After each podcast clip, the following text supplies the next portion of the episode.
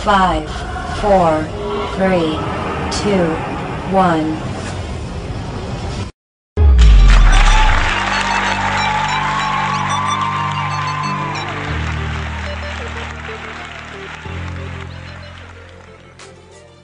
Halo, balik lagi di podcast Cerita Hari Lu bersama gua Darmaji. Hari ini juga belum ada Rere nih karena dia masih harus fokus buat selesai deadline kerjanya. Maklumlah kita freelancer, nggak kenal namanya hari libur. Nah, tapi tenang aja, hari ini gua udah ditemenin beberapa orang. Eh, boleh kita kenalan dulu nih sama siapa aja yang udah temenin gue hari ini. Oke, halo. Nama gue Erik. Gue IT support di software house yang bergerak, Bergerak. di bidang. Di bidang saham ya, oke. Ya. Oke, selanjutnya. Halo, nama gue Aldi, bekerja sebagai IT support dan administrasi di perusahaan yang bergerak bidang medis di Jakarta Barat. Oke, dan yang terakhir ada ada siapa nih? Halo, perkenalkan nama saya Irvin, seorang IT magang di IT security di sebuah perusahaan marketplace. Oh, marketplace ya. Oke, mantap sekali. Nah, jadi hari ini gue memang undang mereka bertiga dengan latar belakang seorang profesional atau karyawan. Karena topiknya hari ini gue pengen ngebahas soal profesional atau karyawan versus uh, entrepreneur atau freelancer. Jadi gue akan lebih baik ngebahas malam ini part satunya lebih ngebahas soal profesional atau karyawan dari sudut pandang seorang karyawan dulu nih. Nah, gue akan tanya dulu nih ke masing-masing dari mereka. Eh, pertama ke Erik dulu deh. Pengalaman Oke. kerja lu udah berapa lama sih di tempat yang sekarang nih? Hmm, tempat yang sekarang nih mau jalan tiga tahun. Oh, udah mau jalan tiga tahun, jadi udah Iya. cukup lama ya. Kalau gue boleh Iya. tahu, job desk lu di tempat ini seperti apa sih gitu? Oke, gue di sini IT support. Jadi kan eh, job desk gue ini gini. eh, kita kan punya klien nih, ya kan. Setiap klien kita ada entah itu ada isu, entah itu ada request atau mungkin develop yang baru, itu mereka kan hubunginya ke gue. Nah Oke. nanti gue akan coba eh gue atur nih, eh, ini bisa dilakukan atau enggak, atau ini eh, penempatannya di mana, atau mungkin nanti gua coba misalnya kalau isu nih isunya bener atau enggak hoax atau bukan gitu kan. Nah ntar baru gua atur lagi ke tim gua nih. Ada programmer ada ada programmer mobile programmer web dan sebagainya server. Nah itu nanti gua kasih ke mereka. Nih harus Hmm. develop di bagian sini nih ada isu di bagian sini. Nah mereka Hmm. juga nanti akan kerjakan. Balik lagi ke gua nih. Nah nanti gua Oke. tes dulu sudah oke baru nanti gua kembalikan ke kliennya Hmm, oh ini loh requestnya udah beres udah kita tes ada ada kurang atau enggak gitu Jadi kalau gue boleh uh, maksudnya boleh tahu, berarti pekerjaan lu juga erat kaitannya dan namanya project ya? Iya. Oke, kalau gitu gue pengen nanya nih ke orang berikutnya ke Aldi deh gini. Um, maksudnya uh, job pengalaman ya. kerjanya berapa lama sih gitu pengalaman kerja lo job desk-nya gitu? Kalau yang sekarang baru setahun, sekitar setahunan lebih dikit lah. Job desk-nya itu awalnya sebenarnya masih kayak administrasi bagian accounting sih. Cuma pas di tengah-tengah itu kan dia ini kan perusahaan baru baru berkembang ya, baru berdiri. Jadi Oke. dia baru buat website, ngebuat website. Nah, dia mereka buat websitenya sih nyewa orang ketiga vendor. Tapi Oke. eh, udah sekitar 4-5 bulanan yang lalu itu udah selesai, udah habis kontraknya. Jadi kita putus kontrak terus eh, kita bingung kan, eh, perusahaannya bingung mau mau lepas apa siapa yang bisa ngehandle ke depannya. Nah, jadi aku disuruh coba dipercayain buat ngehandle websitenya itu menggunakan WordPress sih. Jadi masih gampang. Oh jadi pakai. WordPress ya? Jadi seru juga sih ini kayaknya nih. Nah terus oke sekarang kita ke Irvin nih. Kalau Irvin berapa lama sih pengalamannya dan maksud job desk-nya sendiri apa sih gitu di sana?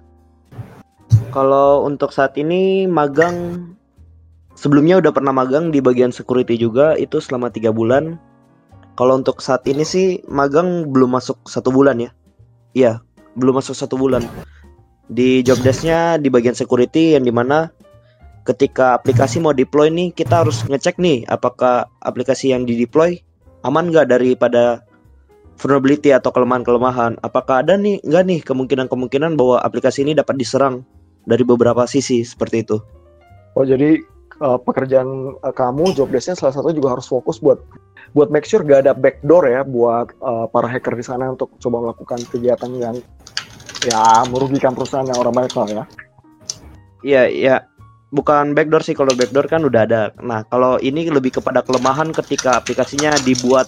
Jadi misalnya programmer nih habis buat sebuah aplikasi. Nah, kita uji coba juga nih aplik- aplikasinya apakah aplikasinya ini layak untuk dipublish ke umum supaya dipastiin bahwa nggak ada yang aneh-aneh lah. Oke, nah sekarang gue pengen tanya nih ke kalian semua gitu kan. Uh, dulu kan pasti sebelum kalian bekerja kan kuliah dulu kan. Begitu udah selesai, apa sih yang yang jadi motivasi kalian? Oh, gue pengen kuliah lulus, gue pengen kuliah di sini, pengen ambil jurusan ini, dan gue lulus, gue pengen bekerja sebagai uh, ini di di perusahaan ini. Apa sih yang memotivasi kalian gitu? Oke, Oke, gue coba nanya ke Eric dulu deh. gue dulu ya. Oke. Hmm. Oke, eh, awalnya gue tuh kuliah kan di Binus ya, ambil jurusan IT. Hmm, Satu alma mater kita, satu alma mater. Alatar ya. Oke, gimana gimana? kan gue IT karena gini, eh dulu tuh zaman-zaman sekolah dasar, sekolah menengah gitu kan, gue hobi main game. Gitu kan. Ah, Hobi main game, lama-lama gue kepikiran kan, wah ini game apa mungkin gue bisa bikin game sendiri gitu kan awalnya. Nah terus eh, diskusi-diskusi, jat- jatuhlah pilihannya, oh kalau gitu ambil jurusan IT. Oke, terus gue tanya, kalau gitu jurusan IT yang bagus di mana? Disarankan di Binus. Nah, saat itu masuk ke Binus, referensi dari situ. Nah, lulus dari Binus, eh, mulai-mulai cari kerja dong. oh, yep. Mulai-mulai cari kerja ya, pasti dapetnya ya di dunia IT juga kan. gue pernah jadi programmer juga dulu. Programmer mungkin dua tahunan, baru eh, di tempat ini nih tempat sekarang jadi IT support istilahnya kayak naik naik pangkat lah yang tadi mungkin coding sekarang eh, mungkin lebih ke ada tim gitu kan. Cuman ya me- memang nggak bikin game juga sih cuman masih satu masih satu inilah masih satu dunia kan masih di IT Satu bidang. satu bidang betul. Kurang lebih begitu. Em, apa ya? Paling motivasinya ya ya ya mungkin karena kita udah lama belajar di bidang itu juga terus kerjanya juga di IT kan jadi kayak ya seru aja gitu sih kayak wah ini bidang udah lama gue geluti nih eh probabilitas ke depannya bisa gimana ya kan kita kan dapetnya teori-teori kan tapi pada prakteknya kan beda kan Hmm, pasti ada hal oke. baru yang kita dapat gitu Gitu Oh, doang oke. sih. Oke, terus ini yang memotivasi lu ya, secara personal Erik ya buat buat kerja Iya. di bidang IT ini. Oke, sekarang gua coba nanya Irvin deh. Mengenai kenapa saya mau masuk ke bidang ini ya, bidang security. Iya, bidang cyber security gitu. Karena awalnya sih waktu dari SMA udah tertarik sih dengan komputer. Sebelum masuk komputer pun maksudnya udah waktu udah di, di udah memiliki laptop, udah mulai tuh tak-atik tuh gimana sih sebenarnya sih sebuah program atau sebuah sistem kayak gitu.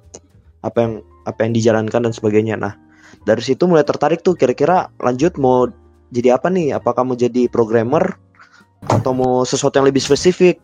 Nah, akhirnya cari-cari tuh di internet tuh kira-kira apa sih pekerjaan yang lagi ada dibutuhkan. Yang muncul waktu itu salah satunya cyber security. Nah, kemudian cari tuh cyber security di di Indonesia kira-kira di mana sih? Ternyata ada hanya ada kalau yang saya tahu waktu itu ya, satu-satunya cuma ada di Binus. Oh, Ya, akhirnya ambil cyber security di Binus. Kemudian sejalan berjalannya waktu makin sadar tuh akan wah security ini banyak diperlukan di banyak lini nih, apalagi kayak startup startup, marketplace marketplace. Ya gitu kan pasti banyak yang tiap hari yang mencoba untuk menyerang tuh. Nah, makanya kenapa saya tertarik untuk magang di marketplace seperti itu. oh, mantap. Jadi itu ya maksudnya alasan yang drive kamu ya. Oke. Sekarang kita coba dengan dari Aldi deh. Aku ya, kalau aku backgroundnya tuh dari SMP aku emang pernah dapat pelajaran komputer sih dari SMP. Sebenarnya dari SD, cuma pas SD itu kan aku cuma dipelajarin Word, Excel, PowerPoint itu dan basicnya aja. Nah Oke. pas SMP itu mulai mendalam kan sejarah-sejarah komputer. Nah dari situ aku mulai suka komputer sih dan emang basicnya sama aku sama Ko Erik emang suka main game dari kelas 5 dari kelas 2 SD eh 1 atau 2 SD gitu aku udah main PS dan kenal warnet itu dari kelas 5 atau 6 SD main game warnet nah jadi pas SMP ketemu sama pelajaran komputer tuh kayaknya salah satu pelajaran terfavorit. Hmm. nomor satu lah nomor satu. Keduanya Oke. olahraga seperti biasa. Nah terus lanjut sampai SMA itu aku coba belajar belajarin. Eh, dulu tuh SMP SMA aku suka nongkrong di Gramet seperti Hmm. biasa. Eh, nyari buku-buku komputer kayak hacking gitulah. Jadi aku suka baca-baca tuh eh, bisa berjam-jam lah di sana Aku Kayak kalau zamannya gua sama Erik nongkrong di Gramedia itu baca komik ya, Erik ya. iya iya sama nggak baca komik iya Tapi nggak beli. Baca doang aja taruh nggak lagi. iya. Emang zaman-zaman masih sekolah, zaman-zaman kuliah tuh belum ada duit. iya Jadi benar. gratisannya kayak gitu. Se- Sekarang komiknya komiknya bisa streaming. Komiknya online. udah online Beda. digital Oke, balik lagi. Iya. Jadi di Gramet banyak fokus buat ngeliat buku-buku soal em, komputer, hack, eh, terus Iya, abis itu? pertama hacking sih. Pertama aku kan dulu kayak wah kayaknya kalau bisa bisa hacking kayak seru nih gitu. Terus aku coba-coba apa baca-baca itu sampai aku baca di sana tuh hampir ngapalin terus suka fotoin satu-satu. Bagian apa link dan cara-caranya gitu. Dan aku sempat pas kelas SMP 3 itu kan aku anak warnet ya. Jadi Ah. emang emang ada warnet langganan lah. Kalau anak warnet tau lah ya kan. Udah Oke. udah, udah tiap hari nggak hampir tiap hari lah. Pokoknya seminggu bisa lima kali lah ke situ warnet Hmm. itu. Sampai kenal terus ada sempet aku nyobain masang keylogger di sana. Masang kilog itu kilog tuh masih belum banyak yang tahu. Benar-benar baru aja masih fresh gitu Oke. karena eh, yang billingnya aja masih lumba-lumba dolphin lupa namanya Billing Legend. Gila, gue juga kena loh billing legend itu. Oke, oke. oke. Iya masuk ke situ cuma kan pertama kali aku taruh itu kilog eh, kehapus karena sistem file C-nya apa local disk C-nya sistemnya kan nggak kelok ya Ah, Kalau freeze. terus mereka pakai di freeze. Nah, terus aku cari-cari cara lagi sampai biar uh, di freeze-nya cara ngebobol di freeze-nya biar nggak ke unlock. Biar biar nggak ke di freeze dulu, di offin dulu, terus pas aku masukin, baru aku restart, aku nyalain lagi di freeze-nya. Dan berhasil Hmm. tuh. Uh, terus itu kan zaman-zamannya Texas Hold'em Poker tuh yang di Facebook. Wah, itu banyak Oh, banget iya. tuh. Dari adik-adik kecil sampai abang-abang yang tua-tua pun main tuh di Facebook dan dari situ aku ngebuka suka ngebuka suka ngecek. Dia kan filenya file text editor yang dikirim ke email tuh. Hah? terus aku sempet megang ratusan Facebook orang lah gitu. Dan wah ini bener-bener apa kebanyakan mostly pada main poker poker di sana. Hmm, iya dan Oke, oke. tapi nggak nggak nggak aku apa-apain sih karena aku nggak main juga kan nggak main. Dan Gila. bingung juga gitu mau diapain. Ya udah Ini mantap soul sih. Kalau bisa nanti abis ini tolong ajarin ajarin gue apa nih karena gue gue juga wifi. pengen nih uh, nge-hacking uh, profile mantan gitu. waduh Aduh, mantan yang udah jadi istrinya orang. waduh Aduh. Oke, back to topic. Jadi ber- setelah dari situ lu jadi memutuskan buat oh oke gue pengen uh, bekerja di bidang yang sama nih gitu. Seperti iya ya.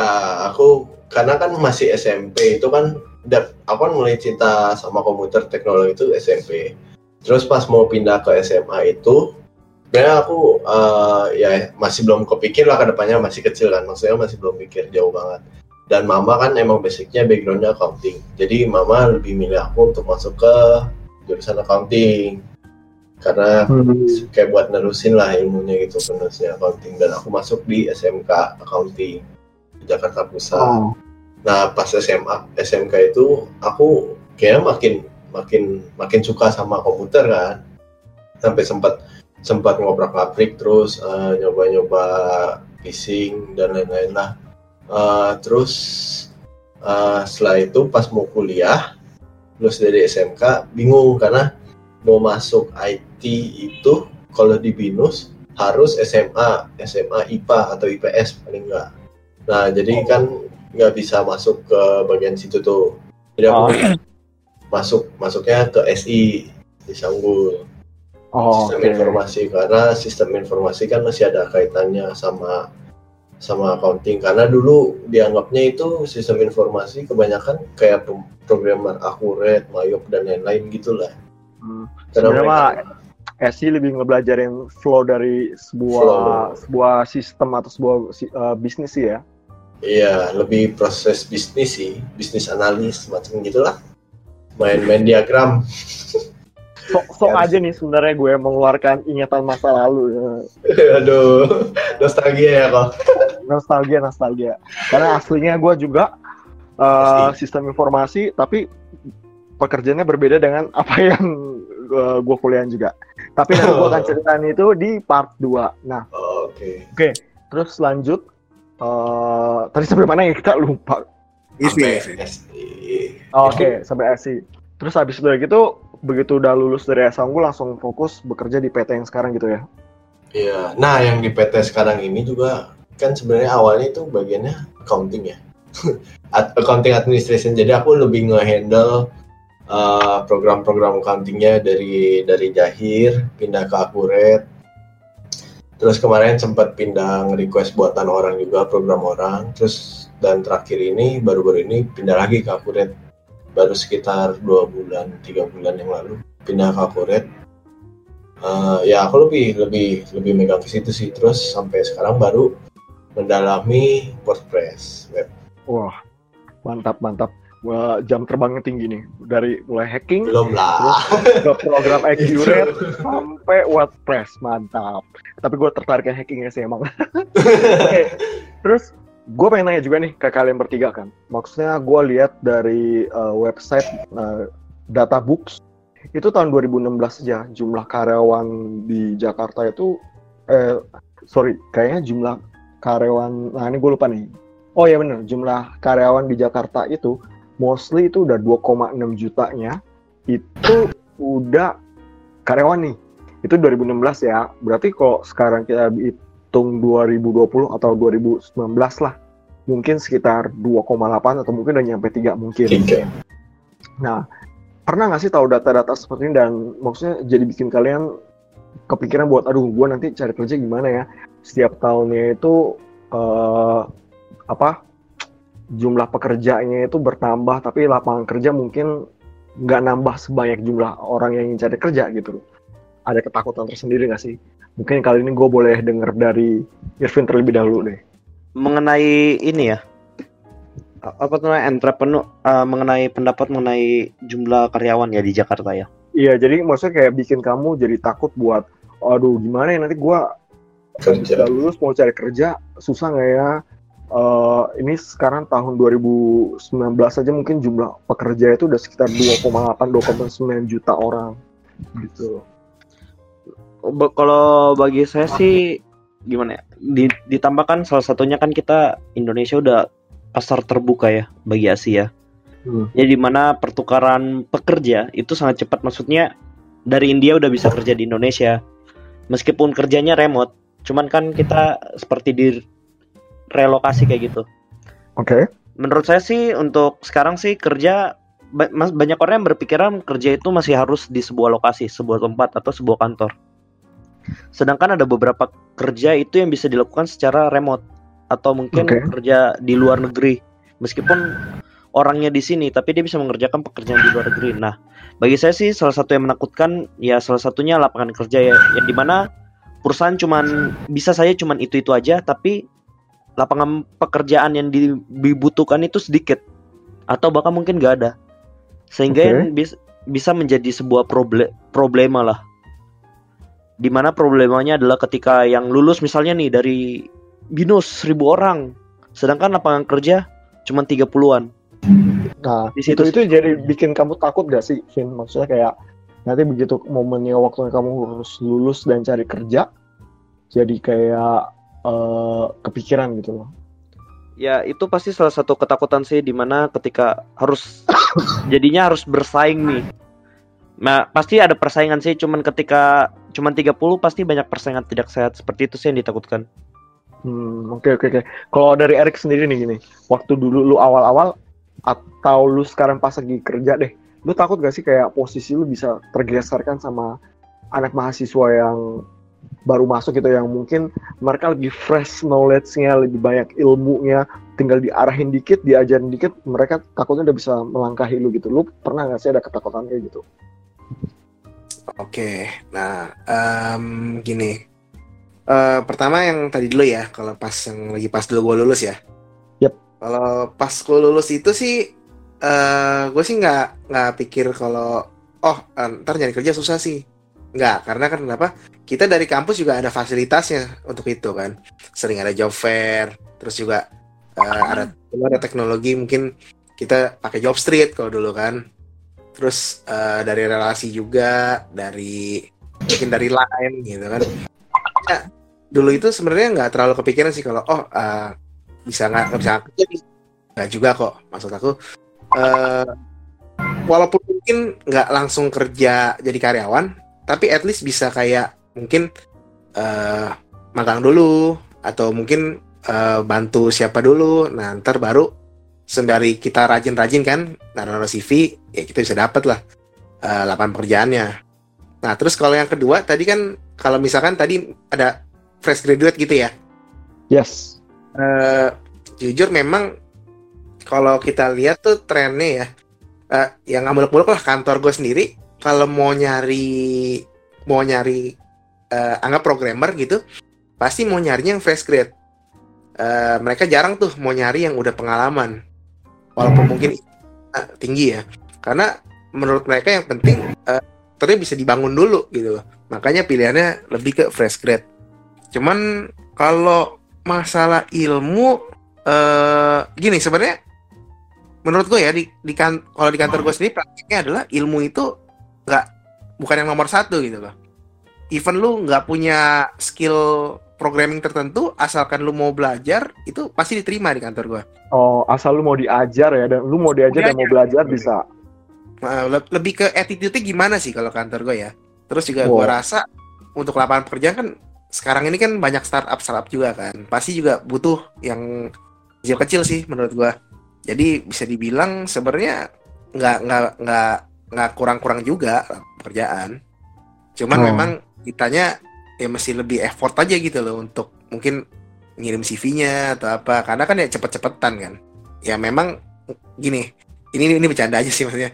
Eh mungkin probabilitas ya kalau misalnya milih karyawan eh, bidangnya sama nih cewek atau cowok ya mungkin lu kalah saing juga sih.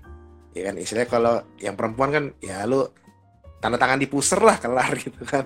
Ya, kalau cowok mana bisa Gua sih. Kalah, gua tahu Kalah sih. Gua gua kalah. Iya kan Gua nggak punya nggak punya nilai jual itu sih nggak kalah ada. gua. pamor bahkan gitu Ya, ya, ka- kalah gua, kalah gua. kalau masa ilmu eh, gua rasa perusahaan juga ada kebijakannya juga sih maksudnya But Kok anyway tadi tinggi, gua garis bawain dulu yang tadi kita ngomongin itu cuma bercandaan ya. Kita bukan pengen Iya. merendahkan Iya, gender yang lain gitu ya. terpulang-pulang di sini disergap Ya oke, Maksud lanjut gini, silakan. lanjut ya. Jadi itu nah, perusahaan juga ada kebijakan sendiri, bukan berarti oh lu eh, misalnya cum laude atau apa, lu langsung masuk deh ganti di sini. Enggak juga. Mereka kan juga pasti kan ngeliat dong nih orang ada pengalamannya enggak, terus kalau kerja di bawah tekanan gimana gitu loh. Lebih ngeliat ke lu lu orangnya gimana sih gitu loh. Ya kalau mungkin nanti eh, diterima dan dilihat oh performanya lebih bagus, yang lama mungkin ya mungkin gua gitu dianggap ah eh, kurang nih ya digantikan ya menurut gua nggak apa-apa juga maksudnya ya itu berarti memang perusahaan butuh dia dan skill gua kan nggak cukup ya ya mau nggak mau gitu kan mungkin ya gua Hmm. harus cari yang lain atau gua harus kembangin skill gua gitu Mantap, dan itu mantap. juga bisa jadi menurut gua bisa jadi apa ya kayak wah gua nggak boleh kalah sama dia nih gua juga harus eh, berkembang gitu kan kalau gua sih lebih kayak gitu Weh, mantap, mantap. Kayak- Jadi patokan gitu lah apa sih yang kita kejar rival Ya. rival gitu mantap, mantap, mantap. Gila nih, Erik. Bijak sekali. Oke, sekarang gue coba balik lagi nih ke Aldi gitu. Ah, Takut gak sih? Takut gak sih? Hmm, takut sih ada takut. Tapi kalau karena mungkin kita sebagian kayak yang di kita di sini semua tuh bagiannya teknologi ya bidangnya dan kita tahu sendiri teknologi itu lagi naik-naiknya. Jadi banyak banget perusahaan yang apa uh, long, membuka lowongan-lowongan untuk tekno, bagian teknologi ya. Entah itu IT entah itu IT support apa SI desainer dan lain-lain. Atau bisnis analis atau yang baru lagi itu data analis AI dan lain-lainnya itu. Karena teknologi sekarang itu kan luas banget ya. Benar-benar berkembang banget dan source-nya itu banyak banget gitu. Maksudnya nggak uh, nggak mungkin lah satu orang bisa bisa bisa jago semua semua yang ada di bidang teknologi sekarang. Ya betul. Ya hampir nggak mungkin sih. Pasti masing-masing tuh begitu kita masuk teknologi ya paling dua atau tiga tiga tiga scoop lah yang kita bisa kuasain gitu. Itu aja udah termaksud pinter sih pinter banget. Bisa masterin tiga scoop gitu. Dan ya. Kalau aku lihat ya uh, apalagi kayak di jobs DB, Jobstreet dan lain-lain itu paling banyak bagian teknologi si IT yang buka lowongan ya. Nah sedangkan uh, yang ditakutin itu kapan bukan kapan gimana cara kita ngikutin teknologi itu sendiri karena di tiap tiap periodenya itu berubah terus gitu. Maksudnya kita harus belajar lagi belajar lagi ada yang baru kita belajar lagi. Kayak kayak zaman dulu kan kayak masih menggunakan bahasa Pascal, Cobol dan lain-lain. Kita berubah sekarang jadi C++ lah atau apa bahasa Python dan lain-lainnya. Bayangkan aja lah kayak HP aja. HP dulu kita masih Nokia. Kenalnya Nokia doang. Bones iya kayak gitu. Sekarang udah semua touchscreen mungkin kita nggak ada yang tahu 10 do, 10 tahun lagi atau mungkin 20 tahun lagi kita udah pakai hologram. Teknologi handphone udah gak ada fisik ya handphone udah gak ada fisik. Ah, udah digital benar-benar digital udah nggak ada nggak ada fisik. Tek dan kita bayangin ya bahasanya pasti berubah lah nggak mungkin sama gitu. Itu sih gimana cara ngikutinnya. Karena papa aku kan teknologi juga SI juga dia dulu. Dan ya papa selalu ngomong begitu uh, nggak apa-apa sih emang SI itu bagus. Duitnya duitnya juga banyak. Enak lah. Walaupun kerjanya suka dikejar deadline tapi lu yakin mau sampai kapan umur berapa gitu lu mau di bidang itu? Karena papa ngerasain juga sampai um, orang produktif belajarnya tuh paling sampai umur 30 mentok-mentok 40 40 ke atas itu untuk belajar hal yang baru lagi udah sulit banget. Jadi hmm. Itu sih yang dikhawatirin. Ya dari sekarang aja udah berasa maksudnya wih baru berapa tahun setahun dua tahun udah keluar bahasa baru. Ini gimana ya mau pelajarin yang ada aja belum dipelajarin gitu. Belum dikuasain tapi, semua. tapi bukannya pengen tapi bukannya gue pengen ngebantah perkataan papamu ya enggak. Tapi gini uh, gua waktu pernah lihat artikel nenek-nenek usia 81 kalau nggak salah dia pernah bikin apps buat iPhone jadi uh, mungkin kalau gua pengen nambahin dikit aja sih gua kayak tetap berasa bahwa belajar itu segala usia maksudnya ya mungkin ada keterbatasan-keterbatasan tapi ketika kita belajar buat fokus gue yakin kita tetap bisa sih gitu hmm, oke gue iya. coba nambah itu silakan lanjutkan lagi hmm, iya sih uh, apalagi knowledge sekarang gampang banget ya dapetin dari iya. Google yeah. YouTube itu semua udah bisa diakses ya udah gampang gitu. Ya apalagi YouTube sih. Dari video aja kita tinggal ngikutin benar-benar ngikutin yang di video. Kita bisa gitu. Iya kan, kalau misalnya kayak dari buku dan lain-lain kan kita harus ngebaca, ngecerna, pahamin dulu. Baru pas dipraktekin enak pas gitu. Oh ya begini paham. Tapi kalau dari sama YouTube, sama networking kali ya. Uh, maksudnya perluas networking juga juga supaya kalau kita nggak ngerti kita bisa langsung nanya kan iya iya itu juga sih kayak gue pengen promosi itu. dikit hari ini gue bisa podcast juga dengan orang-orang di sini itu juga dari teman-teman komsel gue ngalahin yang mereka juga sih yang info gue eh kok pakai ini pakai ini wah gila gue langsung antusias nih buat bikin episode podcast Ah ya itu juga sih. Nah, uh, ya networking penting sih. Sebagian besar kan emang bagian teknologi tuh ya gitu networking butuhnya kebanyakan orang kan mengenal orang yang kayak bidang IT teknologi itu kan eh, introvert ya Yes. kelihatannya kelihatannya sebagian orang Fokusnya lab komputer aja, komputer aja. iya Pacar gak disentuh, pacar gak disentuh. ansos ya Gimana dulu tuh ya kalau kata dosen eh bukan dosen ya. Apa pas mahasiswa kan dulu sering ada yang datang tuh dari luar kan. Kalian jurusan apa sih? IT. Pantes muka-muka lu satu enter satu escape. Tadi muka keyboard semua. satu enter, satu escape. Oke, oke, oke. Oke, oke, oke. Nah, eh gue juga pengen baik nih nanya lagi ke lu orang kan. Maksudnya, eh ada nggak sih menurut kalian segi perbedaan dari dari mental dan cara berpikir karyawan dan eh, entrepreneur gitu? Ada nggak sih menurut kalian? Coba gue kali pengen tahu dari Erik dulu deh. Menurut lu ada nggak sih perbedaannya Erik? Oh, Pak, pasti ada. Perbedaan dari apa sudut pandang karyawan dan entrepreneur. Eh, seperti apa sih kalau gue boleh tahu dari versinya lu nih? Oke. Eh, entrepreneur itu definisi berarti kan yang punya usaha gitu kan, Yes. yang melakukan usaha lah. Kalau profesional mungkin lebih ke karyawannya ya. Ya nggak jauh-jauh sih mungkin gambarannya kayak gini deh. Eh gue kerja di perusahaan sekarang, berarti yang, yang punyanya kan ibaratnya entrepreneurnya kan. Yap. Iya kan ya. Kalau sudut pandang ya anggap karyawan nih. Karyawan kan taunya oke eh, job desk gue apa. Pokoknya gue datang jam 9 pulang jam 5 Jam 5. ya kan Abis itu Jam jangan 12 ganggu-ganggu gue ya. jam jam 12 gue istirahat jam 1 gue balik kantor gitu kan Jam satu balik kantor Iya. atau jam setengah tiga balik kantor nih. Satu tiga apa cari ntar bos Ya kan? intinya di luar pokoknya jam kerja gue kerja di luar jam itu ya udah jangan cari-cari gue gitu kan Jadi kalau di luar jam kerja, bos pun nggak bakal lu uh, nggak bakal lu jawab ya. Hmm, tapi sih apa ya? Eh lucunya di kantor gue ada yang begitu. Senior gue ya, dia istilahnya lu ngomong pokoknya jam 6 ke atas handphone gue silent mode. Lu mau telepon nggak bakal diangkat. Even bos sendiri nelfon nggak diangkat beneran loh. Hmm. Itu gue malam nyari dia mesti gue telepon istrinya.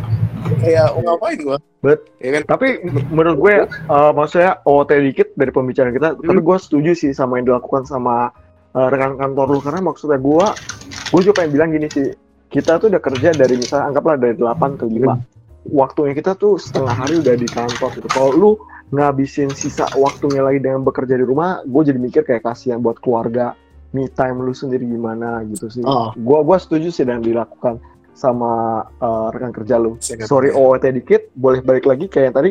Oke oke. Eh, eh gue tambahin dikit ya maksud gue. Tapi memang gue juga nggak bilang itu salah karena eh, bos gue juga pernah bilang gitu. loh. Eh, bos gue pernah bilang, tahu nggak cara biar nggak stres kalau kerja? Dia bilang pas jam kerja benar-benar kerja, tapi pas jam istirahat jam pulang, please gak usah bawa kerjaan. Dia ngomong begitu.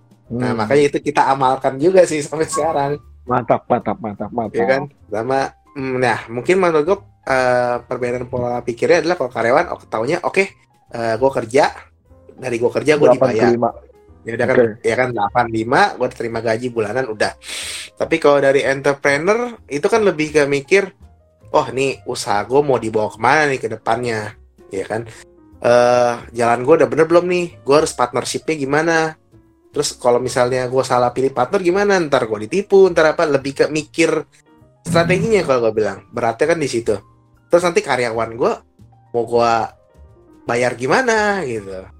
Dia lebih ya dibilang orang apa ya istilahnya mungkin kalau yang kerja itu lebih kayak kalau perang itu tentaranya yang taunya oke gue gue disuruh serang sini gue serang gue disuruh Oke. tunggu bertahan bertahan nah kalau entrepreneur mungkin lebih ke strategisnya nih oke gue mesti Hmm. nyerang mungkin pas saat fajar atau gue Hmm. harus bertahan dulu nih gitu kan Si komandonya ya berarti ya. iya komandonya lebih ke situ dan gue percaya eh, masing-masing bagian itu juga ada ada apa ada kelebihan kekurangannya sendiri gitu loh kayak misalkan eh, mungkin gue mikir kan wah bos gue enak banget nih datang ke kantor cuman datang buka detik buka YouTube tawa-tawa eh, makan-makan gitu kan nggak nggak kayak kita nih kerja mungkin depan komputer mesti terima komplain apa segala macem komputer dimaki-maki gitu kan kerja delapan ke lima dimarahin orang Iya kan? Gimana marahin. Tapi sebenarnya eh, ini even bos sendiri pun mereka pasti ada pemikiran juga kayak misalnya wah enak nih karyawan gue nih taunya cuman kerja dibayar kerja dibayar. Nggak kayak gue mesti mikir nih besok gue mesti bawa ke mana? Gitu kan. Dia nggak mikir gue mesti bayar karyawan gimana? Gitu kalau duitnya nggak ada. Kadang kalau misalnya kayak omset nggak nyampe kan nombok juga itu. Ya betul. Nggak gua gitu ya. Iya kan? Maksud gue ya semua ada bagiannya gitu loh. Pola pikirnya Oh. pasti ah, nggak mungkin nggak mungkin sama lah. Oke, berbeda ya. Nah, kalau Aldi sama Irvin nih, em, menurut kalian ada perbedaan nggak sih gitu? Kalau dari saya sih pasti ada perbedaan ya bagi karyawan dengan entrepreneur yang di mana karyawan kan udah ada nih job desk tetap tetapnya nih, maksudnya nggak perlu pusingin variabel-variabel lainnya, tinggal kerja yang penting beres selesai. Kalau sedangkan kalau entrepreneur kan entrepreneur harus berpikir kan maksudnya ya kayak tadi dibilang sama Ko Erik, strateginya gimana sih cara approach-nya targetnya nih, gimana sih caranya cari karyawan yang baik? Atau mungkin bahkan sampai mikirkan besok apakah penghasilan ini dengan besok itu sama? Sedangkan kalau karyawan kan bisa tuh menetap menetap sesuai dengan asalkan kita memenuhi presentasi apa yang dimaukan sedangkan kalau misalnya entrepreneur kan pasti berpikirkan tiap hari kan apakah penghasilan hari bulan ini dah? Apakah penghasilan bulan ini totalnya sama dengan bulan depan bahkan entrepreneur pun berpikir apakah yang dilakukan ini caranya udah benar atau perlu di tweak lagi sedikit lagi gitu Hmm, seperti itu sih pasti ada bedanya Oke, oke. Kalau Aldi sendiri nih, ada bedanya menurut kamu nggak? beda pasti Mentalnya, cara berpikirnya gitu. pasti beda sih kalau dari cara berpikir apalagi ya Eh, pertama ya kalau misalnya bagian karyawan karena banyak sih temen aku yang udah kerja ngomong begini eh, mereka kalau karyawan tuh ya pokoknya selama kerjaan gua kelar ya udah gitu. Jadi eh they, they do what they need to do apa di mereka tuh ngelakuin apa yang disuruh sama atasannya mereka. Tapi kalau misalnya kayak entrepreneur gitu kan secara dia yang punya uh, perusahaan dan dia harus berpikir uh, gue harus melakukan apa agar perusahaan ini tetap berjalan dia lebih berpikir ke depan. Jadi ya benar kayak sama mirip yang kayak Ko Erik bilang dia itu dia tuh komandonya maksudnya pemimpinnya. Dia dia yang punya ide dan dia butuh orang untuk mengeksekusi ide itu gitu. Seperti itulah. Biasanya startup bermulai dari sana. Nah kalau secara mental banyak nih dari dari teman-teman aku yang karyawan.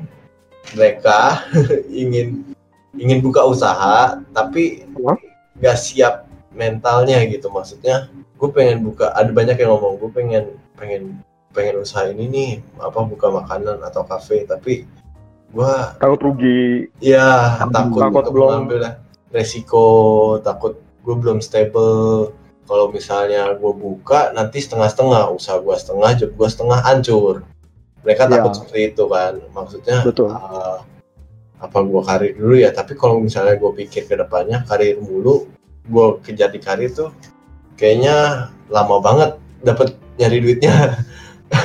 Karena mungkin mereka ngeliat entrepreneur yang udah udah udah sukses kali ya yang udah udah banyak income-nya udah banyak udah balik modal dan udah punya income sendiri gitu. Tapi ya padahal dari awalnya mereka juga pasti ada jatuh-jatuhnya ada terjun-terjunnya. Karena kalau nggak salah ya kalau nggak salah ada pepatah eh, biasa pengus eh, orang itu kalau mau buka usaha dua kali itu pasti jatuh. Ketiga kalinya baru sukses. Kalau Ya. aku pernah baca di mana gitu. Nah ya mostly mereka begitu sih mentalnya belum belum siap untuk mengambil risks yang gede. Tapi mereka lebih mudah di zona nyaman gitu. Zona nyaman mereka oh ya udah gue masuk jam segini sampai jam segini ngerjain apa yang disuruh udah gue dapat dapat income gitu kalau entrepreneur kan wah kalau misalnya gue ngelakuin ini ini ini gue nggak ada income nih sama sekali. Gue hidup begi ha, hidupnya bagaimana? Gue bisa makan bisa bayar tempat tinggal dan lain-lain. Dia benar-benar harus uh, berpikir untuk wah kalau misalnya gue buka ini harus benar-benar matang banget. Tapi semuanya itu kan ya pasti ada resikonya lah. Dari segala sisi itu nggak ada yang mungkin nggak ada yang pasti lah di dunia ini kalau buat aku ya Setuju, Kalau setuju. Kalau mental bedanya di situ. Nah, mantap, mantap. Gue setuju nih. Gila. Eh, gue yakin jawaban Aldi ini pasti dipengaruhi oleh seorang entrepreneur yang ada di belakangnya dia kan. Gue rasa kayak entrepreneur di belakang lu itu dia bergerak di bidang wedding organizer ya. Simplicity namanya. Kayaknya, iya iya iya. Mantap, mantap. Gue suka nih. Gue suka nih cara pikir entrepreneur ini. entrepreneurnya? Waduh, inisialnya nanti kita sebut di belakangan ya. Ini kita kasih Oke. surprise aja nanti. Ah, Nah, siap, gue juga pengen nanya nih sama kalian. Jadi kan dari kalian tadi udah kasih tahu gue nih perbedaan mental dan cara berpikir karyawan sama eh, entrepreneur. Sekarang gue pengen nanya nih, menurut lu orang, challenge berarti dari jawaban kalian itu kalian lebih bilang challenge seorang entrepreneur itu jauh lebih tinggi dibandingin challenge seorang karyawan, bener gak sih? Iya. Iya, iya. Tapi bukannya kalau misal lu dari sisi lu seorang karyawan juga kalau lu pengen anggaplah lu pengen punya karir yang bagus melonjak tinggi lu kan juga harus performnya bener-bener gila-gilaan. Bener-bener kejar-kejaran dengan deadline performnya gila-gilaan supaya lu bisa jadi bisa posisi lu jadi manager gitu. Nah bukannya juga challenge-nya itu sama tingginya ya kayak eh, entrepreneur. Kalau dari saya sih challenge-nya sebenarnya tergantung sih. Karena ada beberapa entrepreneur kan ketika dia udah settle kan tinggal sewa orang, nih ada ide ini, tolong jalankan. ada beberapa yang kayaknya settle seperti itu. oke Kemudian kalau untuk sedangkan challenge sebagai karyawan kan maksudnya ada sebuah kewajiban ya maksud ya kayak tadi Ko Haji bilang ada sebuah target yang harus dicapai nih. Bahkan bisa saja misalnya apalagi kalau di startup ya. Hari ini pakai bahasa A. Tiga hari kemudian diminta bahasa B. Padahal baru nih. Terus diminta deploy besok. Ada. Nah, kayak gitu bukannya berarti challenge-nya itu sama-sama beratnya ya kayak wah lu jadi seorang karyawan harus performnya maksimal banget nih. Kalau entrepreneur kan berbicara bagaimana dia bisa bikin usahanya tetap sustain ya, maksudnya tetap bertahan ya, bukannya eh, tantangan jadinya sama beratnya atau menurut kalian oh enggak tetap lebih berat entrepreneur atau tetap lebih berat eh, profesional gitu. Menurut kalian gimana? Kalau menurutku sih sama aja sih karena di mana entrepreneur butuh karyawan, sedangkan karyawan butuh tempat kerja kan, maksudnya yang pemiliknya entrepreneur. Sedangkan kalau misalnya si entrepreneur punya karyawan tapi karyawan yang gak meet kerja kan dua-duanya susah ya, maksudnya gimana mau gaji karyawannya, gimana entre si entrepreneurnya mau dapat uang. Kemudian kalau misalnya untuk karyawan kan punya ya kayak tadi saya bilang tanggung jawab. Misalnya udah buat sebuah misalnya di bidang IT nih udah buat aplikasi tapi aplikasinya nggak bisa launching atau mungkin banyak kendala. Itu kan Hmm. menjadi bisa kehilangan uang kan. Iya challenge dalam satu jam down aja sebuah aplikasi atau sebuah service kayak gitu nggak jalan bisa berjuta-juta kehilangan sebuah itu startup kehilangan uang. Hmm, kehilangan uangnya di sana ya. Oke. Nah, gimana kalau Aldi nih?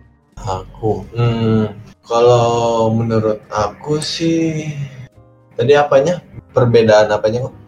Ya Challenge Tingkat kayak kesulitan. challenge-nya, ah, tingkat kesulitannya menurut kamu sama aja nih antara profesional sama entrepreneur atau enggak entrepreneur lebih susah karena dia harus mikirin masa depan dari perusahaan ini gitu atau kamu malah lebih bilang oh enggak nih eh, profesional dong dia jauh lebih susah karena dia harus bersaing dengan banyak orang harus performnya maksimal dimarahin klien kejar-kejaran deadline supaya dia bisa mencapai posisi dengan gaji tertentu gitu Hmm, kalau aku bilang mungkin lebih entrepreneur ya kalau menurut aku ya.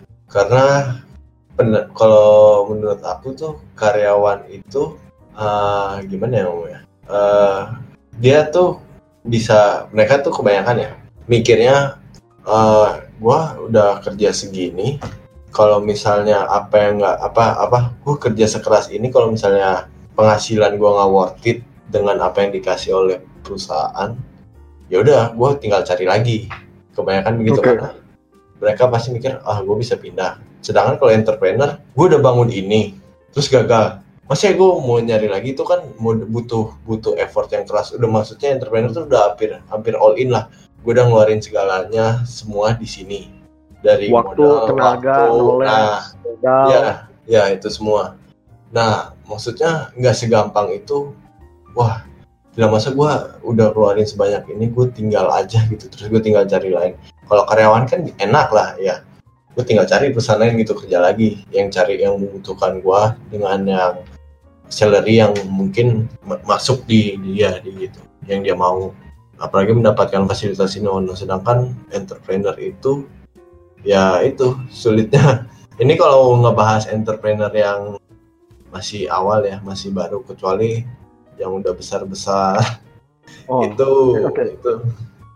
Beda lagi ya itu ceritanya beda lagi ya. beda. Beda itu mah udah tak ada beban sih. Karena disable tapi mereka pun pasti awalnya begitulah.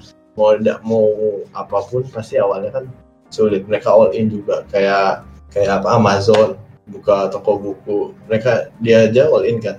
All Iya, in betul. untuk buka di sana walaupun mereka nggak laku berapa tahun rugi tapi in the end mereka bisa berhasil naik dengan caranya yang ajaib juga. Mantap nih.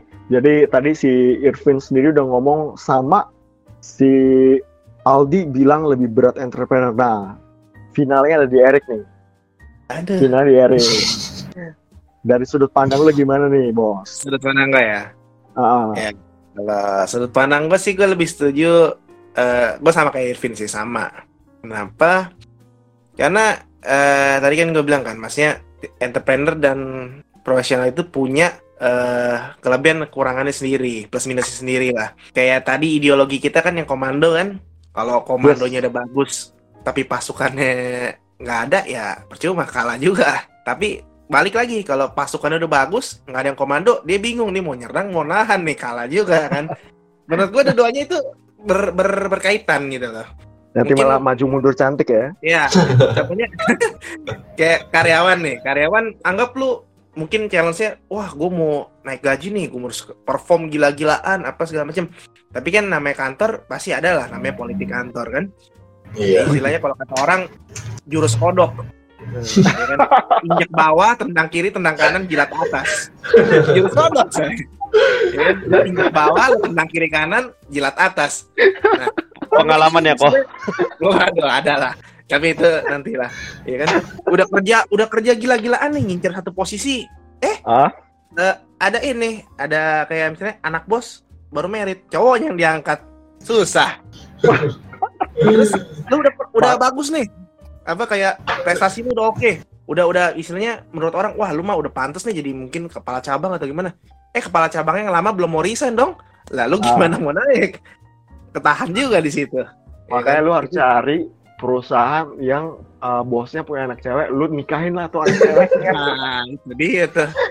Saran yang bagus. Kayaknya BCA anaknya cewek semua kan. Ntar gue lah. Iya, iya. Itu dari sisi karyawan. Tapi kalau entrepreneur ya tadi tuh. Ya kan ini perusahaan gimana udah udah gue udah all in di sini tapi performnya jelek apalagi yang mesti gue korbanin gitu kan challenge-nya ada aja menurut gue ya ya sama lah maksudnya karyawan ada kesusahannya sendiri eh entrepreneur juga ada ya sendiri heeh. jadi nggak bisa Oke. kita bilang oh lebih enak entrepreneur nggak juga karena gue juga punya kenalan dia seorang eh, bapak ya maksudnya udah udah udah tua lah udah cukup tua punya anak tiga. Sampai sekarang masih karyawan tapi tetap aja bisa ngebiayain untuk apa namanya untuk kehidupannya. Kalau kalau tanya pak eh, mau mau apa namanya emang kalau nggak kerja di sini mau mau usaha apa? Eh, saya sih belum kepikiran dia bilang saya sih tetap di sini dulu deh. Anaknya berapa masih banyak dia? Tiga. Salah satunya malah anaknya entrepreneur malah. Tapi dia Wadaw. tetap karyawan ya kan? Mantap mantap mantap mantap mantap. Tapi ya kebalikannya ada juga yang ya entrepreneur entrepreneur ya mungkin tadi kayak yang Aldi bilang ya. Mungkin kalau yang masih awal-awal kan ya namanya mungkin tadinya karyawan terus mau jadi entrepreneur gitu. Cuman pas udah kena dia cuma taunya oh enaknya entrepreneur gini tapi sulitnya gimana kan dia nggak tahu tuh. Mungkin mesti ngutang dulu di awal nutup nggak omset giran kena istilahnya kena rugi langsung dah ngedown gitu kan nah menurut gue challenge-nya kalau entrepreneur di situ tuh. Dia harus istilahnya harus ada mental bajanya juga gitu loh. Jangan dikit-dikit eh, ngedown dikit-dikit nyerah ya susah gitu loh. Lu udah keluar lu udah korban banyak di sini tapi kalau mentalnya begitu ya gimana mau maju juga. Terus juga karyawan juga ngeliat wah ini kok bos gue begini gitu kan. Susah sih gue bilang. Intinya Mantap, ya mm, intinya gue bilang Intinya sih jadi jadi entrepreneur tuh mental lu jangan cemen lah gitu ya. hmm, betul betul ya lu juga harus ada image lah karyawan lu mau ngikut lu gimana kalau lu begitu ya kan Betul. betul. ya intinya gue bilang eh challenge sih sama challenge sama nggak ada yang bilang oh ini lebih bagus ini lebih jelek nggak ada sama lah gue bilang Mantap mantap. Nah terus gue juga pengen nanya nih sama lu orang bertiga. Prioritas lu orang nih dalam mencari suatu pekerjaan tuh itu tuh lu lebih penting lihat gajinya kan yang lebih besar atau lokasinya dekat rumah atau lingkungan kerja yang enak maksudnya bersosialisasi dengan rekan kantornya enak nih nggak ada politik kantor yang gimana banget nggak ada drama kantor yang gimana banget gitu nah eh, kalian prioritasnya apa gitu coba gue pengen denger dari kalian pengen denger dari Aldi dulu deh Aku ya. Pertama pasti gaji. gaji oke oke prioritas pertama gaji ya Gaji, kedua lokasi. Hmm. Ketiga baru itu politik. kalau gajinya tinggi tapi kerja di planet lain kayak di Bekasi gitu mau Wah itu enggak sih. Membunuh diri sendiri itu. Percuma gajinya tinggi. Tapi buat bayar rumah tinggi. sakit. buat bayar rumah sakit buat bayar Iya. transport ya iya. Oke oke. oke. Terus jadi pertama itu gaji, terus kedua lokasi, baru habis itu lingkungan kerja ya. Iya. Oke. Kalau lu nih Rick, eh, lu itu apa nih? Gaji, lokasi atau lingkungan kerja? Oke, eh gini kalau gue ya. Hmm, memang itu kan tiga hal nggak mungkin lu bisa dapat tiga tiganya sih. Paling nggak Yes. dari tiga itu udah bagus, gitu kan. Hmm, kalau gaji sih, eh menurut gue yang penting cukup untuk kebutuhan lu saat ini. Oke. Cukup dengan arti ya, ada yang bisa lu spend, ada yang bisa lu tabung. Itu udah cukup menurut gue. Karena sebenarnya gaji itu mau berapapun juga balik ke pengaturan kita buat menyimpan dan pengeluaran. jual pengeluarannya kan. Oke. Iya. Terus Nah, oke. Nah, berarti men- menurut gue sih yang pertama itu lebih ke eh, lingkungan. Maksudnya kayak apa sih eh, suasana kerjanya. Ah, Baru yang baru yang terakhir itu eh sorry lingkung lingkungan kerjanya ah, itu ininya apa lokasi tadi ya lokasi. lokasi. Kenapa? Karena gue percaya gini, kalau misalnya anggap lu berasa, oh gaji lu kurang, eh itu bukan berarti ke- bukan harus kerjaan lu pindah, tapi ya lu lu cari yang lain dong, maksudnya lu tambah gitu loh. Contohnya mungkin sambil kerja di sini lu ada eh, mungkin online shop kan nambah-nambah juga, maksudnya bukannya apa ya? Jadi lu nya aktif gitu kalau untuk gaji. Jadi bukan ngaruh gede kecil lah kalau gaji. Tapi kalau suasana kerja itu menurut gue paling penting. Kenapa? Karena yang bikin lu kerja itu, yang bikin lu betah kan itu. Dan kalau lu betah kan pasti performa lu maksimum gitu loh. Ngerti gue. Kan istilahnya eh apa sih namanya? Love what you do and do what you love gitu kan? Atau terbalik tuh. Do what you love, love you do, ya kan? Semakin kurang- kita eh gimana ya? Jadi kayak ke misalnya lu eh, passion lu, passion lu di tempat ini nih. Ah. Terus lu dapat misalnya kerjaan passion lu eh, tapi lingkungannya nggak bagus nih. Kayak yang gue bilang mungkin praktek ilmu kodoknya banyak. Lu. Dia kan baru ini dikit, wah dilaporin bos kena marah. Atau dramanya ini- banyak. Atau dramanya ya Pagi. kan lu, lu Pagi-pagi datang bos mukanya udah cembetut. nah, Siang hari mau makan siang eh, karyawan lain pengen ngajak curhat. nggak salah dulu dulu gue pernah di kantor ada bos modelnya begitu dia nggak pernah datang ke kantor tapi begitu datang ke kantor bawaannya kayak udah pengen marah Waduh. even dia kayak pernah pernah kayak ini datang datang kan wah gue mau marahin siapa ya hari ini oh dulu deh Terus bilang begitu bapak apa Gawat juga. mau marahin siapa dulu loh? Gue bingung loh itu. Itu ya. makanya menurut gue kondisinya itu penting. Kalau kalau misalnya datang aja udah kayak gitu mah wah udah niat kerja juga udah nurun pasti udah ah bos kayak gini. Udah nggak ada semangat kerja ya Semangat, bos. udah semangat gitu. Tapi beda kalau lingkungannya suportif terus ada teamworknya enak. Nah itu juga lu mau lu kerja juga udah jiwa raga kali kan minggu pun kalau bisa kantor gua kantor gitu Loyalitas Kantor sudah dikasih ya. Loyalitas Iya, sudah hidup- pasti dikasih ya Betul. kantor kalau kayak gitu. hidup ya. mati gue di sini kan itu utama nah lokasi tadi tuh kalau kayak lo bilang kerja di planet lain Bekasi ya susah juga bos itu mah mau gaji lu cukup juga nggak bakal cukup sih at least gua lokasi masih bisa manageable lah maksudnya kayak contohnya kan rumah gua di barat ya masih ke pusat masih oke lah. Tapi kalau dari barat sampai timur wah gua belah Jakarta gitu sih. Susah juga sih. Nggak ada lokasi nah kalau uang tadi gua bilang kan gaji mah kayaknya kan kalau gaji tergantung kita perform juga sih. Ya kan? Kalau kita Iya. perform gimana ya gaji pasti ngikut juga. Tapi jarang kan nggak masih ada orang sorry sorry. uh, gimana? jarang ada orang yang gimana? oh gini kadang tuh eh menurut gua jarang lah ada orang yang udah performnya gila-gilaan tapi dapat gajinya di bawah rata-rata menurut gua enggak sih ya kalau Hmm. kayak gitu ya mungkin kantor lu ngaco juga tuh ada ada yang praktek jurus kodok kayaknya mending lu pindah Ya, kayak gitu sih Oke, oke, thank you, thank you. Nah, sekarang kita dengar dari Irvin nih. Irvin, gaji, lokasi, atau lingkungan kerja? Kalau dari saya sih pertama pasti lingkungan kerja ya. Wah, sama. Oke, oke. aman Soalnya kenapa lingkungan kerja sih? Karena percuma gitu kita dapat gaji besar tapi apa yang kita kerjakan lingkungan kita tuh membuat kita stres. Adanya lebih tidak sehat, di mana bisa membuat stres, kemudian sakit, pengeluaran lebih besar. Lebih baik saya bekerja di mana sebuah tempat yang dapat buat saya nyaman, terus dapat expand dibandingkan sebuah tempat yang yang nuntut maunya itu itu aja. Terus banyak yang kayak tadi kok Erik bilang banyak politik dan sebagainya. Seperti itu sih makanya kenapa saya lebih memilih tempat kerja yang nyaman dulu. Terus Tempat kemudian nyaman. iya yang cocok lah dengan bukan misalnya mau dicocok cocokin wah wajib seperti style saya nih minimal yang seperti ko Erik bilang lah nggak ada politik kantor atau mungkin gitulah suportif kemudian untuk yang kedua saya sih gaji ya kenapa gaji itu untuk supaya menetralisirkan yang ketiga yaitu lokasi kenapa lokasi yang terakhir karena menurut saya that's okay gitu misalnya saya harus bekerja di sebuah tempat yang agak jauh tetapi dapat gaji yang lumayan Kayak berasa kayak gini juga, Irvin ya. Eh, gaji itu juga menetralisir rasa pahit yang udah terjadi sebulan ya. Tiba-tiba akhir bulan, uh, datang gitu kayak siraman rohani gitu turun. Ya benar seperti itulah.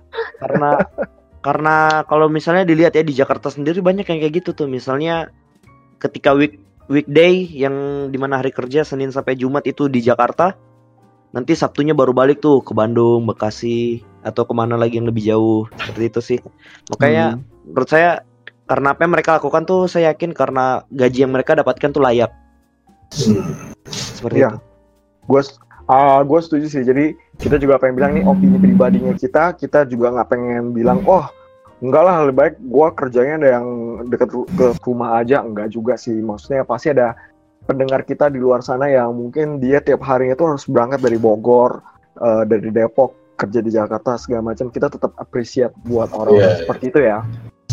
Iya. nah terus eh, buat kalian nih kondisi kalian sekarang maksudnya kerja di tempat yang sekarang itu sebagai seorang profesional itu udah sesuai dengan passion kalian belum sih? Dan maksudnya kalian happy gak sih dengan kondisi sekarang gitu? Mulai dari eh, Irvin dulu coba. Kalau saya sih sejauh ini udah sesuai ya, maksudnya meskipun job desk yang diberikan itu enggak dengan apa yang saya minati, misalnya saya lebih senang nih mengenai kalau di dunia cyber ada dua, defense atau tech. Misalnya Oke. meskipun selama kuliah saya lebih senang nge-tech, tapi ketika dikasih job desk defense ya mau nggak mau kita harus coba tuh, kita harus mencoba dulu karena rata-rata kesalahan orang menurut saya, maksudnya kesalahan orang adalah tidak mau mencoba. Dari awal udah pesimis duluan kayak ah nggak bisa nih ah mana bisa saya belajar itu? Atau ah ngapain belajar itu? Kenapa nggak dicoba dulu? Minimal ketika kita mencoba minimal kita tahu nih oh ya nih kekurangannya ini atau kelebihannya ini dari situ baru kita bisa mengambil keputusan apakah udah nyaman atau enggak. Seperti itu karena saya sudah mencoba nih job desk saya selama 15 hari lah. Wah ternyata saya cocok nih nyaman nih. Ya udah maka saya stay. Seperti itu. Oh oke. Kalau Aldi nih gimana? Job desk ya. Hmm, maksudnya udah di sekarang di Nyaman. posisi sekarang udah udah passion kamu banget belum? Terus maksudnya kamu happy gak dengan kondisi sekarang gitu? Kalau passion banget sih belum ya. Eh, masih setengah setengah passion karena masih campur aduk dan skupnya juga masih terbilang kecil bukan sesuatu yang maksudnya bidangnya itu tuh masih karena kan masih perusahaan baru ya. Jadi Oke. scoop scoopnya itu masih kecil, knowledge- knowledge-nya itu masih kecil. Jadi eh, masih belum dapat sih untuk passion bagian teknologinya itu ya. Tapi kalau misalnya lingkungannya sih nyaman ya nyaman. Karena ya karena perusahaan baru jadi dramanya belum ada. Nggak ada banyak drama ya. Jadi no drama-drama. kita kita langsung open belak-belakan aja. Iya, kok kayak gitu enaknya. Cuma kantornya kantornya Erik nih penuh dengan drama. Oke. Kalau- Kalau kalau di tempat lu, kalau lu Rick, gimana? Maksudnya lu eh, ini udah kerja sekarang nih di tempat Hah? sekarang itu udah sesuai passion lu belum? Terus lu happy nggak dengan kondisi sekarang? Oke, kalau passion ya, ya harusnya memang belum sih, karena kan tadi gue bilang kan ya hobi gue aja main game gitu, ya. passion gue ya kerjanya kalau bisa dibilang game gitu kan. Cuman ya ini masih ada nyerempet-nyerempet sama apa? eh sebenarnya posisi gue lumayan sih. Gue punya atasan ya, gue juga punya bawahan gitu kan. Mungkin kalau ka- apa diukur kadar happy-nya dari 1 sampai 10 ya gue masih bisa bilang 7 lah gue happy. Gitu kan. Cuman kalau dibilang sesuai passion nggak ya ya belum sesuai gitu. Em, ya ini juga saat yang gue pelajari sih maksudnya kalau gue bener-bener nyari kerjaan yang sesuai passion mungkin agak susah. Nah cuman ya ya udah intinya maksud gue ya apa yang ada dulu kita coba lakuin maksimal gitu kan Eh, kita coba performnya excellent ya passion ya nggak apa-apa lah kita parkir dulu lah tapi ya ke depan-depannya dikit-dikit kita capai gitu loh Oh, tetap Hmm. harus ending-endingnya tetap mencari pekerjaan sesuai dengan passion lu ya, karena lu akan dua kali lebih semangat dan mengerjakan itu. iya gitu kan Oke. tadi yang bilang eh, Nah, what you love and love what you do gitu. oh, mantap. Nah, karena kita lagi ngebahas ini nih, gue kembali pengen nanya nih, menurut lu orang nih, benefitnya jadi karyawan tuh kekurangan dan ke- eh, kelebihannya jadi karyawan dan kekurangan jadi karyawan apa sih? Coba dari eh, Erik dulu deh. kelebihan kekurangan dua-duanya ya? Yes, betul. Oke, kelebihannya, kelebihan dulu deh ya. Plusnya itu ya kalau karyawan, pertama ya lu nggak usah pusing, ikutin aturan aja. Masuk jam segini, pulang jam segini, istirahat jam segini. Terus lu juga nggak usah pusing. eh, pokoknya kerjaan lu hari ini ini ABC, ya udah lu lakukan aja ABC, nggak usah istilahnya nggak usah apa ya kalau kata orang tuh nggak usah kepo lah, lu ikutin aja. ABC beres, ya udah. Lu dapet eh, gaji lu lah istilahnya. Lu lakukan kewajiban lu ini lu ini. Kalau minusnya ya ya itu tadi. Mungkin karena lu nggak usah pusing jadinya juga dia ya stagnan juga sih. Maksudnya nggak bisa nggak bisa wah wah banget gitu loh. Normal. Jadi Oke. lu nggak bisa harapin oh eh tahun gue perform bagus nih. Besok gaji gue naik dua kali lipat. Nggak juga. Gitu. Lu nggak bisa misalnya eh ah ini mungkin eh, kalau ada ada yang kejadian juga di kantor ya. Misalkan lu di job desk lu ada dua orang nih. Lu sama satu lagi kan. Si Ah, A gitu katakanlah si A keluar mau nggak mau kan job desknya lu handle juga kan betul. lu lakukan kerjaan dua orang tapi gaji lu tetap satu loh Yoi, yoi. kan itu kan berat juga tuh Iya. Maksudnya dipaksa gitu loh karena keadaan belum ada ganti lo harus kerjaan dia jadi lu nggak nyesuaiin Betul. Gak bisa ngomong juga sama bos sama HRD. Ngomong sama mereka pasti dibilang, iya. Ngomong sama mereka pasti dijawab, "Eh, masih untung kamu saya kasih kerja. Apa kamu mau cari kerjaan baru? Aku parah sih. Ya kan? itu belum ya belum lagi kalau apa persaingannya ketat. Ya kayak tadi gue bilang terkena politik apa kan. Yang parah tuh gini, kelihatan banget tuh kalau misalnya lagi meeting gitu kan. Lagi Hah? meeting, anggap lu ada miss di mana nih, terus miss lu di expose, wah depan bos lagi gawat juga. Wah nilai lu udah jelek tuh. Apa? Aduh. ya namanya karyawan kan pasti kan yang satu oh gue pengen apa pengen lebih berkembang nih tapi misal yang ini kayaknya bos lebih megangnya ke sini kan susah juga Iya sih. dia si bos kayak tahu yang lu lakukan dia lebih tahu oh yang si si A nih kerja lebih bagus nih si ini nggak kedengeran ya susah juga lu mau lu mau apa namanya gembar-gembor bos gue kerja lebih ini lo belum tentu dia percaya juga buktinya mana gitu kan intinya berarti itu situ kalau gua bilang karyawan. Karyawan itu ibarat kayak apa ya? KPI-nya berarti harus jelas gitu ya. Iya. Intinya ya dia karena karena job desk-nya juga nggak terlalu susah kan tinggal ikutin komando ya.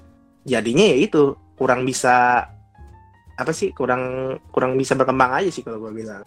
Dan loncatannya itu juga Hmm. lama kan. Loncatan itu Oke. lama. Oke. Butuh waktu lebih butuh waktu lah. Oke oke oke. Nah kalau Irvin nih gimana nih? Mengenai ini ya karyawan, suka Iya, dukanya minusnya. karyawan. Eh, bukan kelebihan jadi karyawan dan kekurangan jadi karyawan. Kalau kelebihan karyawan sih menurut saya sih jelas ya maksudnya gajinya. Hmm? Maksudnya kayak jelas yang penting kita meet target, jelas nih, oh ya dibayar segini, dibayar segini, dibayar segini. Cuman kalau minusnya kita tuh replaceable ya. Kita nggak selamanya di sebuah perusahaan nih. Bisa, aja baru ya?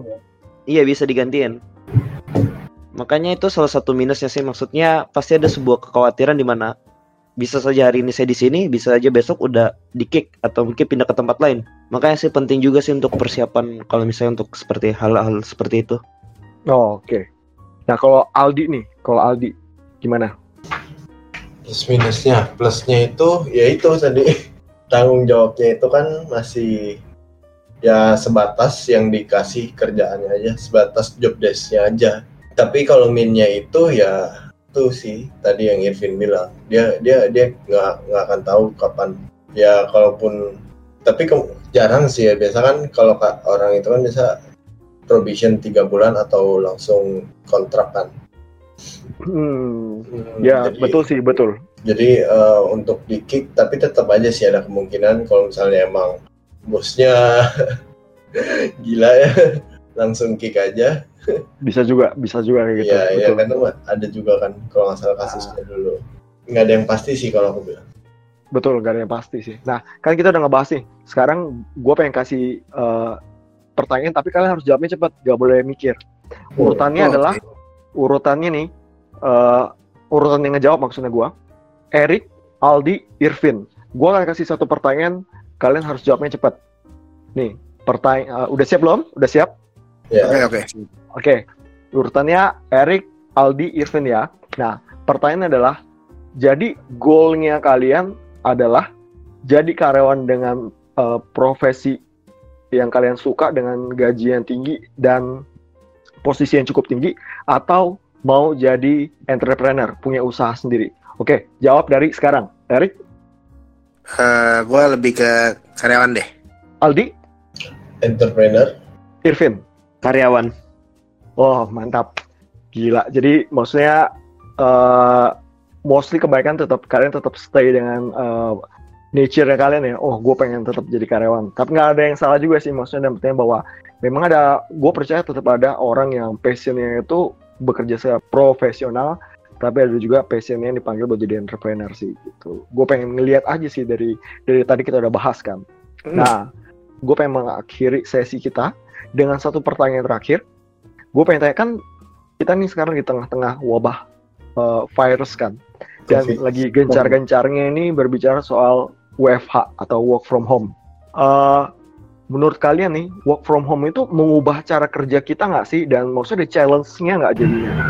Ketika kita yang biasanya bekerja face to face terus tiba-tiba harus berubah jadi eh, WFH.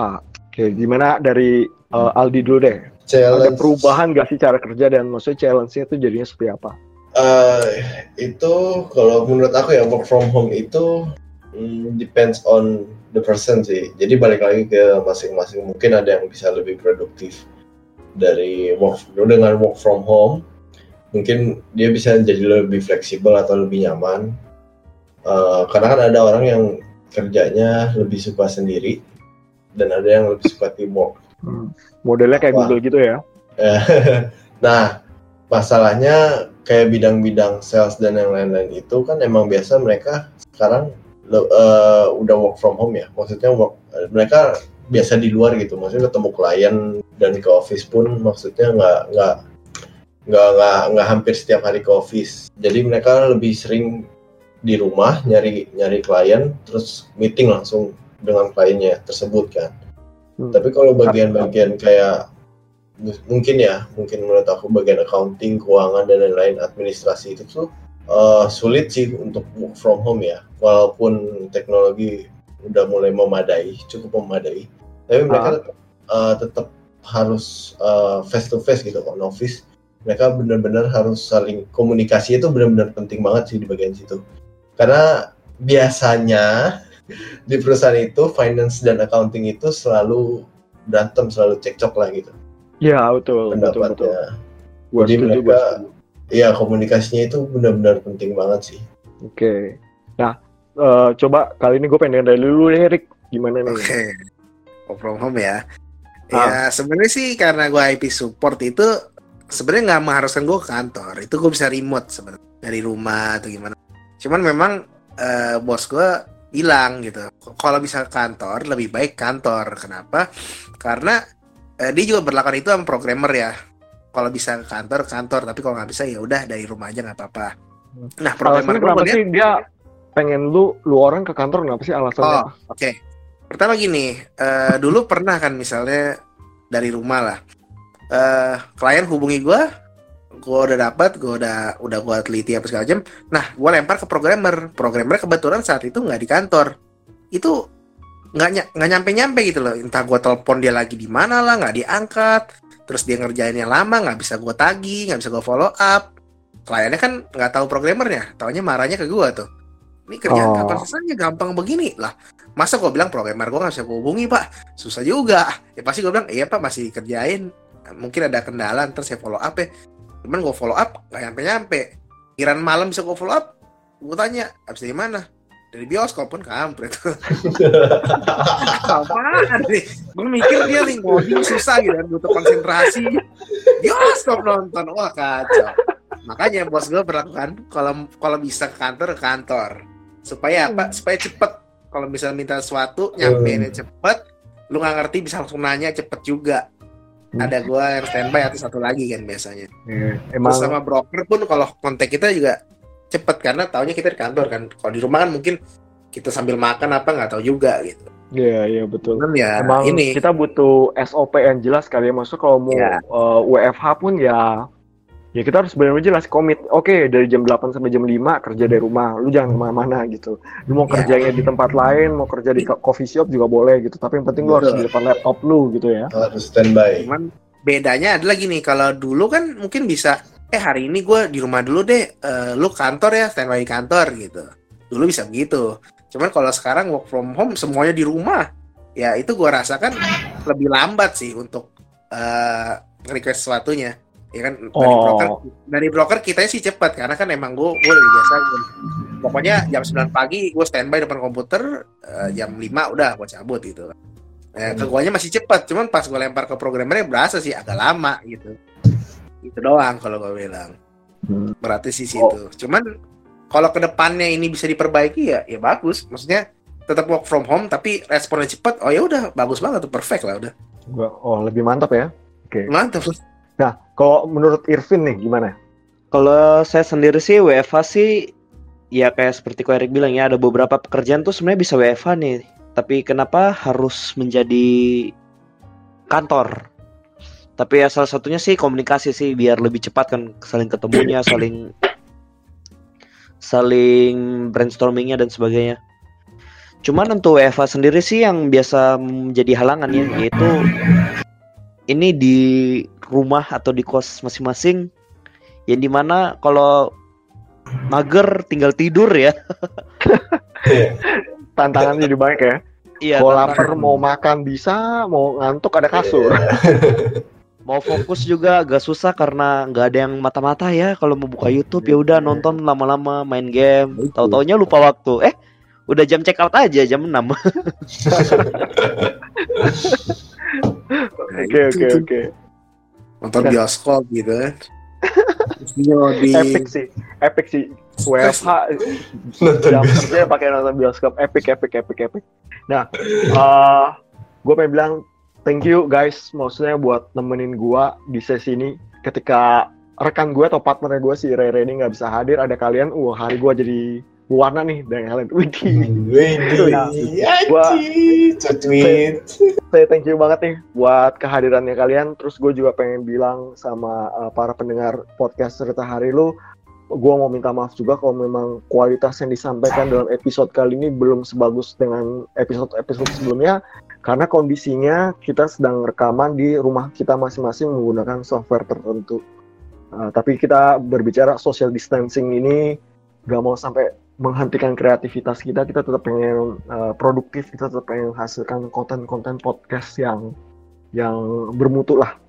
Dan terakhir kita juga pengen sama-sama bilang buat uh, seluruh para pendengar podcast cerita hari lu, buat kita sama-sama berdoa supaya wabah corona ini segera berakhir. Kita juga pengen bilang, yuk kita ikutin anjuran pemerintah buat kita diam di rumah dulu aja kita lakukan praktekin social distancing buat memutus rantai penyebaran virus ini dan semoga wabah ini cepat selesai dan Indonesia bisa kembali pulih lagi ya. Oke. Amin. Nah, thank you buat semuanya, thank you buat uh, teman-teman yang udah nemenin gua, thank you juga buat para pendengar podcast cerita hari dulu. Kita akan bertemu lagi di episode berikutnya. Kali ini gua nanti akan lebih ngebahas soal uh, sudut pandang seorang entrepreneur dan gue juga akan sedikit bercerita nanti tentang uh, kondisinya diri gue dari profesional berubah menjadi seorang entrepreneur. Oke, sampai jumpa.